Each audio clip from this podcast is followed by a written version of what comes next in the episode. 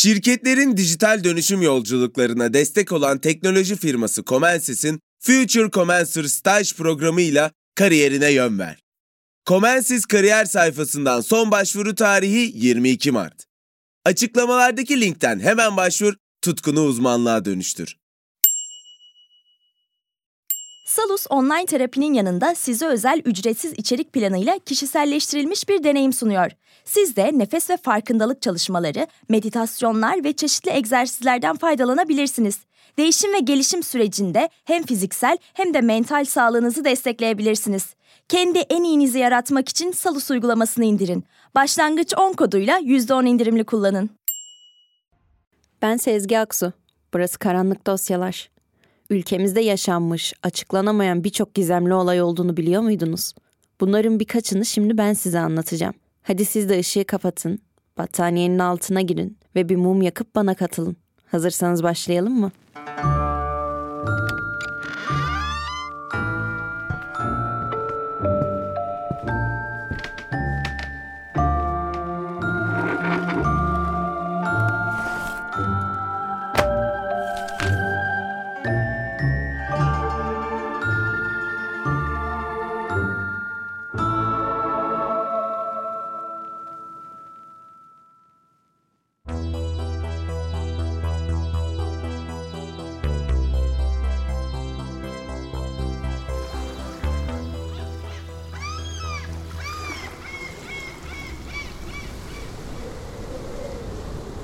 Issız Cuma Mezarlığı Çanakkale'nin Yenice ilçesine bağlı Seyvan ve Çakıroba köyleri arasında 1335 yılında yapıldığı tahmin edilen camiye etrafta başka yapı olmadığı için ıssız adı verildi. Eskiden sadece cuma namazlarının kılındığı caminin adı daha sonraları ıssız cuma oldu.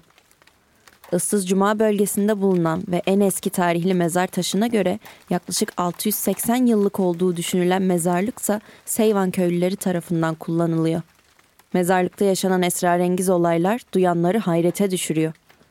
Üstelik olayları birebir tanık olanlar anlatıyor. Mezarlığa defnedilen bir anne ve bebeğinin birbirinden ayrı yapılan mezarları tanıklara göre her seferinde yeniden birleşmiş. 52 yıl önce bir kız bebek dünyaya getiren Seyvanlı Hatice Erkek doğumdan kısa bir süre sonra hayatını kaybetti. Ayşe adı verilen minik bebek de doğumdan 20 gün sonra hayata gözlerini yumdu. Ayşe bebek için annesinin mezarının yanına bir yer açıldı ve oraya defnedildi. Birkaç gün sonra ziyarete giden yakınları iki mezarın birleştiğini görünce şok oldu. Minik bebeğin süt annesi Emine Ungurlu yaşananları şöyle anlattı. Aynı zamanlarda benim de bir oğlum olmuştu. Hatice doğumdan kısa süre sonra ölünce kızı Ayşe'yi birkaç kez ben emzirdim. Birkaç gün sonra o da öldü. Öldükten sonra annesinin yanına defnettiler. Ama iki mezar birleşiyor. Ayırıyorlar, yine değiyor. Kaç kez ayırdıklarını bilemiyorum. Ama bakın şimdi yine bir aradalar dedi. Mezarlığı ziyaret edenler de bu ilginç olay karşısında şaşkına dönüyor.'' Bu olay birkaç kez tekrarlandıktan sonra yakınları anne ve kızın mezarlarını olduğu şekilde bırakmaya karar verdi. Mezarlığı ziyaret edenler Hatice ve minik Ayşe'ye bakmadan oradan çıkmıyor. Bu olaydan Siccin 2 filminde de bahsediliyor. Yine aynı köyde Seyvan'da yaşayan Emine Salı 1967 yılında 3 yaşındaki kızını suya düşürdü. Hayatını kaybeden küçük kız ıssız cuma mezarlığında toprağa verildi. Acılı anneye kızı Hatice'den geriye kalan tek şey ise annesinin onun saç örgüsüne bağladığı boncuğuydu. Emine bir iple boncuğu kızının başındaki mezar tahtasına bağladı. Aile maddi durumları iyi olmadığı için aradan geçen sürede kızlarına mezar yaptıramadı. Anne Emine Salı kızının mezarını yaptırmak için 47 yıl para biriktirdi. Hatice bebeğin mezarı yeniden yapılmak üzere açıldı. Emine gördükleri karşısında şaşkına döndü kızının mezar tahtasına bağladığı ip ve boncuğun mezardaki her şey çürümüş olmasına rağmen ilk bağladığı şekilde durduğunu söyledi. Bebeğim vefat ettiğinde 3 yaşındaydı. İki oğlumu ve bir kızımı gömdüm bu mezarlıkta. Kızımın 47 yıl önce mezar tahtasına bağladığım ipiyle boncuğunu buldum. Mezar tahtası erimiş bir çomak halini almış ama benim tahtaya bağladığım boncuk ve ip 47 yıl önce bağladığım gibi çürümemiş halde.'' Bu gizemli mezarlığın hikayesinin ardından sizleri İstanbul'un meşhur Perili Köşkü'ne götürüyorum. Adeta bir efsane haline gelmiş bu köşkü, öyküsünü dinledikten sonra mutlaka görmek isteyeceğinize eminim. Yusuf Ziya Paşa Köşkü Uzun yıllar yarım haliyle zamana meydan okuyan ve neredeyse 100 yıl sonra yapımı tamamlanan Perili Köşk'ün yenileme çalışmaları esnasında yaşanan esrarengiz olaylar ustaları neredeyse inşaatı bırakmaya zorlar. Köşkün eski sahibi Yusuf Ziya'nın ruhunun bazı geceler köşkü ziyaret ettiği ve odalarda dolaştığı söylenir. Eşi olan genç ve güzel kızın hayaletinin ise hala köşkte, özellikle kulede gezindiği yönündeki söylentiler kulaktan kulağa yayılır. İnşaatta çalışmak için getirilen işçiler köşkte paşanın karısına ait aynaya baktıklarında eski elbiseler içinde genç bir kadın hayaleti gördüklerini iddia ederler. Yıllar boyunca köşkün çevresinde yaşayan insanlar köşkün boş katlarında geceleri uzun saçlı genç bir kadının gezindiğini söyler. Peki gerçekten Paşa Yusuf Ziya ve eşinin acı çeken ruhlarının dolandığı bir köşk müydü Perili Köşk? Hadi zamanda bir yolculuğa çıkalım. Yapımına 1900'lerin başında başlanan inşaata ilk çivi 1910 yılında çakılsa da köşkün istenildiği gibi bitirilmesi mümkün olmamış bir türlü. Köşkün sahibi zamanın zengin tüccarı ve Mısırlı Hidivi Abbas Hilmi Paşa'nın başyaveri olan Yusuf Ziya Paşa'ydı. Rivayete göre Yusuf Ziya Paşa kendinden hayli genç ve çok güzel bir kıza aşık olur. Kızla evlenmek için yanıp tutuşan paşa tüm servetini onun ayaklarına sermeye hazırdır. Ama kız bir türlü yanaşmaz evliliğe. Yaptıracağı görkemli köşkle kızın gönlünü kazanacağına inanan paşa sonunda amacına ulaşır. Köşk yapılırsa onunla evlenecektir. Söylenenlere göre Yusuf Ziya Paşa çok kıskanç biriydi güzel eşini kimselerin uzaktan bile görmesine katlanamazdı. Bu yüzden paşanın en büyük isteği hem eşinin güzelliğine yakışan hem de onu yabancı gözlerden uzak tutacak bir köşk yaptırmaktır. Köşkün yapılmasındaki ilk aksilik Padişah II. Abdülhamit'in Boğaz'da cami minarelerinden daha yüksek bina yapılamaz fermanı nedeniyle başlar. Paşa bu nedenle köşkün bazı katlarını yaptırmaktan vazgeçmek zorunda kalır. Nihayet köşkün bir kısmı biter ve paşa kızla evlenir. Ancak paşanın işi hiç de kolay değildir. Çünkü güzelliği dillere destan olan kızın büyüsüne kapılan pek çok genç köşkün önünden geçerek iç geçirir. Pencerelerden onu görmeye çalışırlar. İçinde peri kadar güzel bir kız yaşadığı için köşke perili köşk denmeye başlar.''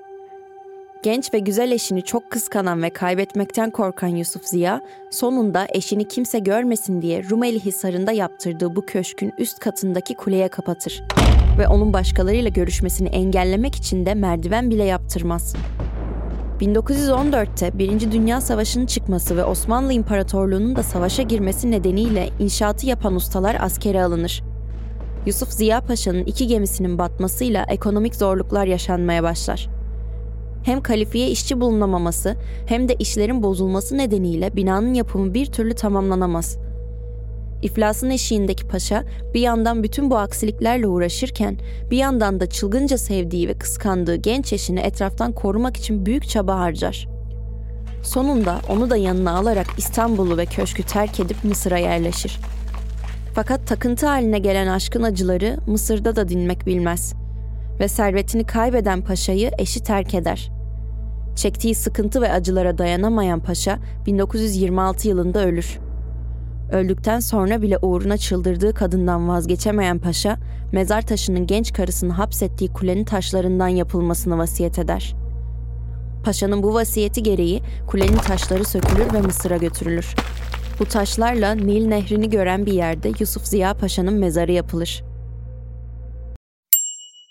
Alanında lider teknoloji şirketi Comensis, mühendislik, tasarım, ürün geliştirme, test mühendisliği ve bulut gibi alanlarda staj yapmak üzere 3. ve 4. sınıf öğrencilerini arıyor. 8 Temmuz'da başlayacak ve 6 hafta sürecek programa Comensis kariyer sayfasından son başvuru tarihi ise 22 Mart.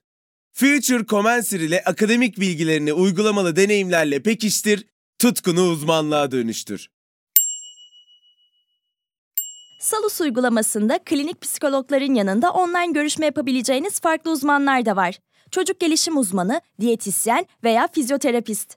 Bu sayede değişen ihtiyaçlarınıza uygun beslenme, egzersiz ve sağlıklı yaşam rutinleri oluşturabilirsiniz. Salus uygulamasını indirin ve başlangıç 10 koduyla %10 indirimden yararlanın. Detaylar açıklamalarda ve salusmental.com'da.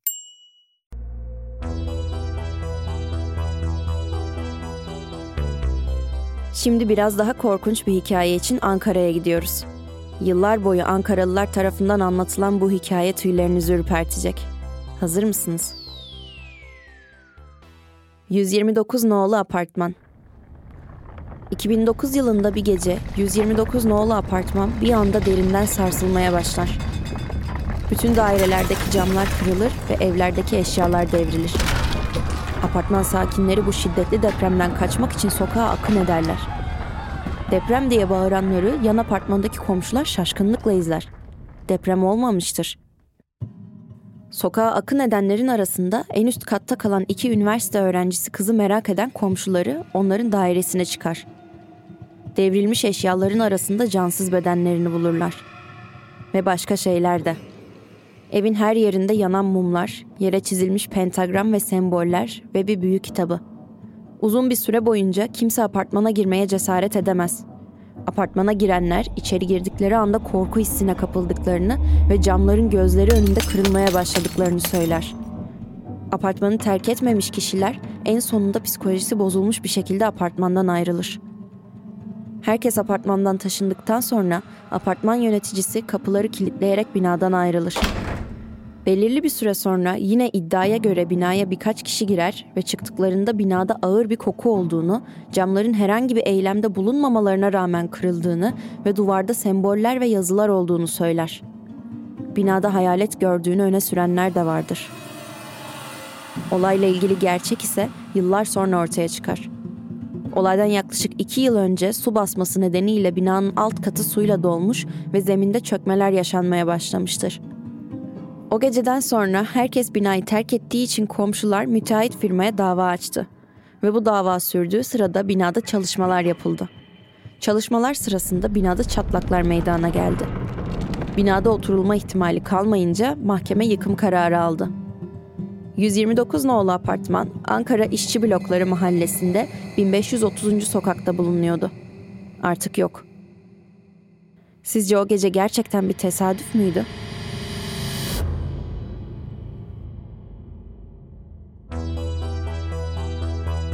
Ve şimdi Türkiye'nin en büyük paranormal olaylarının olduğu yere, Davutlu Köyü'ne bir ziyarette bulunalım.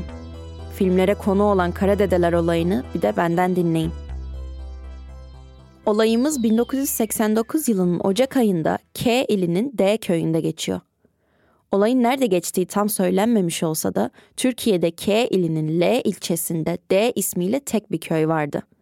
O da Kırklareli'nin Lüleburgaz ilçesindeki Davutlu köyüydü. Hikayeye göre Davutlu köyünde yaşayanlar hava karardıktan sonra insan dışı varlıklar görmeye başladı. O günden sonra hava kararınca köylüler korkudan sokaklara çıkamadı. Bu olay dönem gazetelerinin büyük bir bölümünde yer aldı. Haberler okuldan yeni mezun olmuş bir gazeteci olan HB'nin de ilgisini çekti ve genç gazeteci olayı araştırmak için Davutlu köyüne gitti. Köyde 11 gün geçiren HB, köye vardığında köylülerle röportaj yaptı ve bu röportajların hepsini kamerasıyla kayda aldı. Röportajları sırasında köylüler esrarengiz varlıklar gördüklerini anlattı ve genç gazeteciyi köyde kalmaya ikna ettiler. Köyde geçirdiği günlerde hiçbir anormal olayla karşılaşmayan HB, köyden ayrılmaya karar verdi. Fakat köylülerin ısrarı üzerine kamerasını köydeki 14 yaşındaki bir çocuğa bıraktı. Çocuk eğer köyde olağan dışı bir şey olursa kamerayla kaydedecek, daha sonra da kasetleri gazeteciye verecekti. Gazeteci köyden ayrıldıktan 3 gün sonra sivil giyimli 4 jandarma tarafından sabaha karşı İstanbul'daki evinden köyde çektiği kasetlerle birlikte alınarak jandarma komutanlığına getirildi. Jandarma komutanı kıdemli yüzbaşı AS tarafından sorgulanmaya başladı. Kamerayla kaydedilen sorgunun nedeni köydeki 3 evde yaşayan 7 kişinin kısmen parçalanarak öldürülmesiydi. Asıl sebepse bir evin duvarına Arap alfabesiyle HB'nin isminin kan kullanılarak yazılmasıydı. Ölen kişiler arasında HB'nin kamerayı bıraktığı çocuk da vardı. Meydana gelen bu olay bölge halkı arasında korku ve paniğe yol açmaması için köylülere bir cinnet vakası olarak aktarıldı. Cenazeler sadece köylülerin ve jandarmanın katılımıyla ve büyük bir gizlilikle köy mezarlığına defnedildi. Yine iddialara göre köylülerin çoğu bu olaydan sonra köyü terk etti. Sorgusu tamamlandıktan sonra serbest bırakılan HB'nin giysileri, botları, not defteri ve kişisel eşyaları 3 Şubat 1989 Salı günü köyün civarındaki ormanda bulundu. Kendisi ise asla bulunamadı. HB'yi sorgulayan yüzbaşı AS ise bu olaydan bir sene sonra eşinden boşandı ve psikolojik rahatsızlıktan dolayı malulen emekli oldu. Yine aynı sene İstanbul'a yerleşerek psikiyatrik tedavi görmeye başladı. 2006 yılında 59 yaşındaykense kendine ait silahla şakağına tek el ateş ederek intihar etti. Yüzbaşının kızı F, babasının ölümünden sonra onun özel kasasını açtı ve kasa içerisinde 3 zarf buldu. Zarfların bir tanesinde siyah beyaz fotoğraflar, diğer ikisinde de kayıp gazeteci HB'ye ait bir not defteri, 1989 yılına ait gazete kupürleri ve 3 adet video kaset vardı. Kasetlerin üzerinde yazan tek şey Kara Dedeler olayı 1989'du. İlk video kayıtları HB'nin köylülerle röportajını, ikincisi ise HB'nin babası tarafından sorgulanmasını içeriyordu. Üçüncü ve son video ise köylü çocuğun çektiği görüntülerden oluşuyordu. 22. dakikadan sonrasını ise seyredecek cesareti bulamadı kendinde. F'nin kasetlerin şokunu üzerinden atması birkaç yıl sürdü. 2009 yılındaysa maddi zorluğa düştü ve eşyalarını satmak zorunda kaldı. Sattığı eşyaların arasında kasetler de vardı. Tüm bu olayların ardından 2011 yılında Karadedeler olayının filmi yapıldı. Belki de biri kasetleri buldu. Ancak eski köy muhtarı Ali Osman Karagöz ve yeni köy muhtarı Cevdet Ayas'ın iddiasına göre bu yaşananların hepsi köyün ismini kötüye çıkaran yalanlardan ibaretti. Hatta iki muhtar da yaşananların gerçek dışı olduğunu herkese duyurmak adına hukuki süreç başlattı. Bu hikayeler arasında en çok hangisi ilginizi çekti? Peki gerçeklikleri konusunda ne düşünüyorsunuz? Gerçek olsun ya da olmasın ben bu yerleri ziyaret etmeyi isterdim.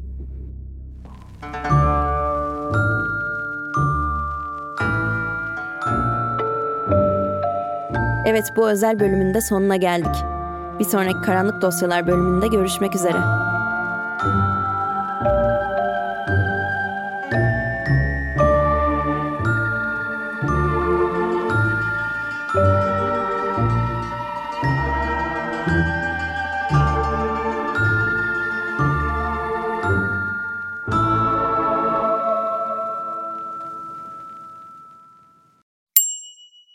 Future Commencer staj programı ile kariyerine yön ver.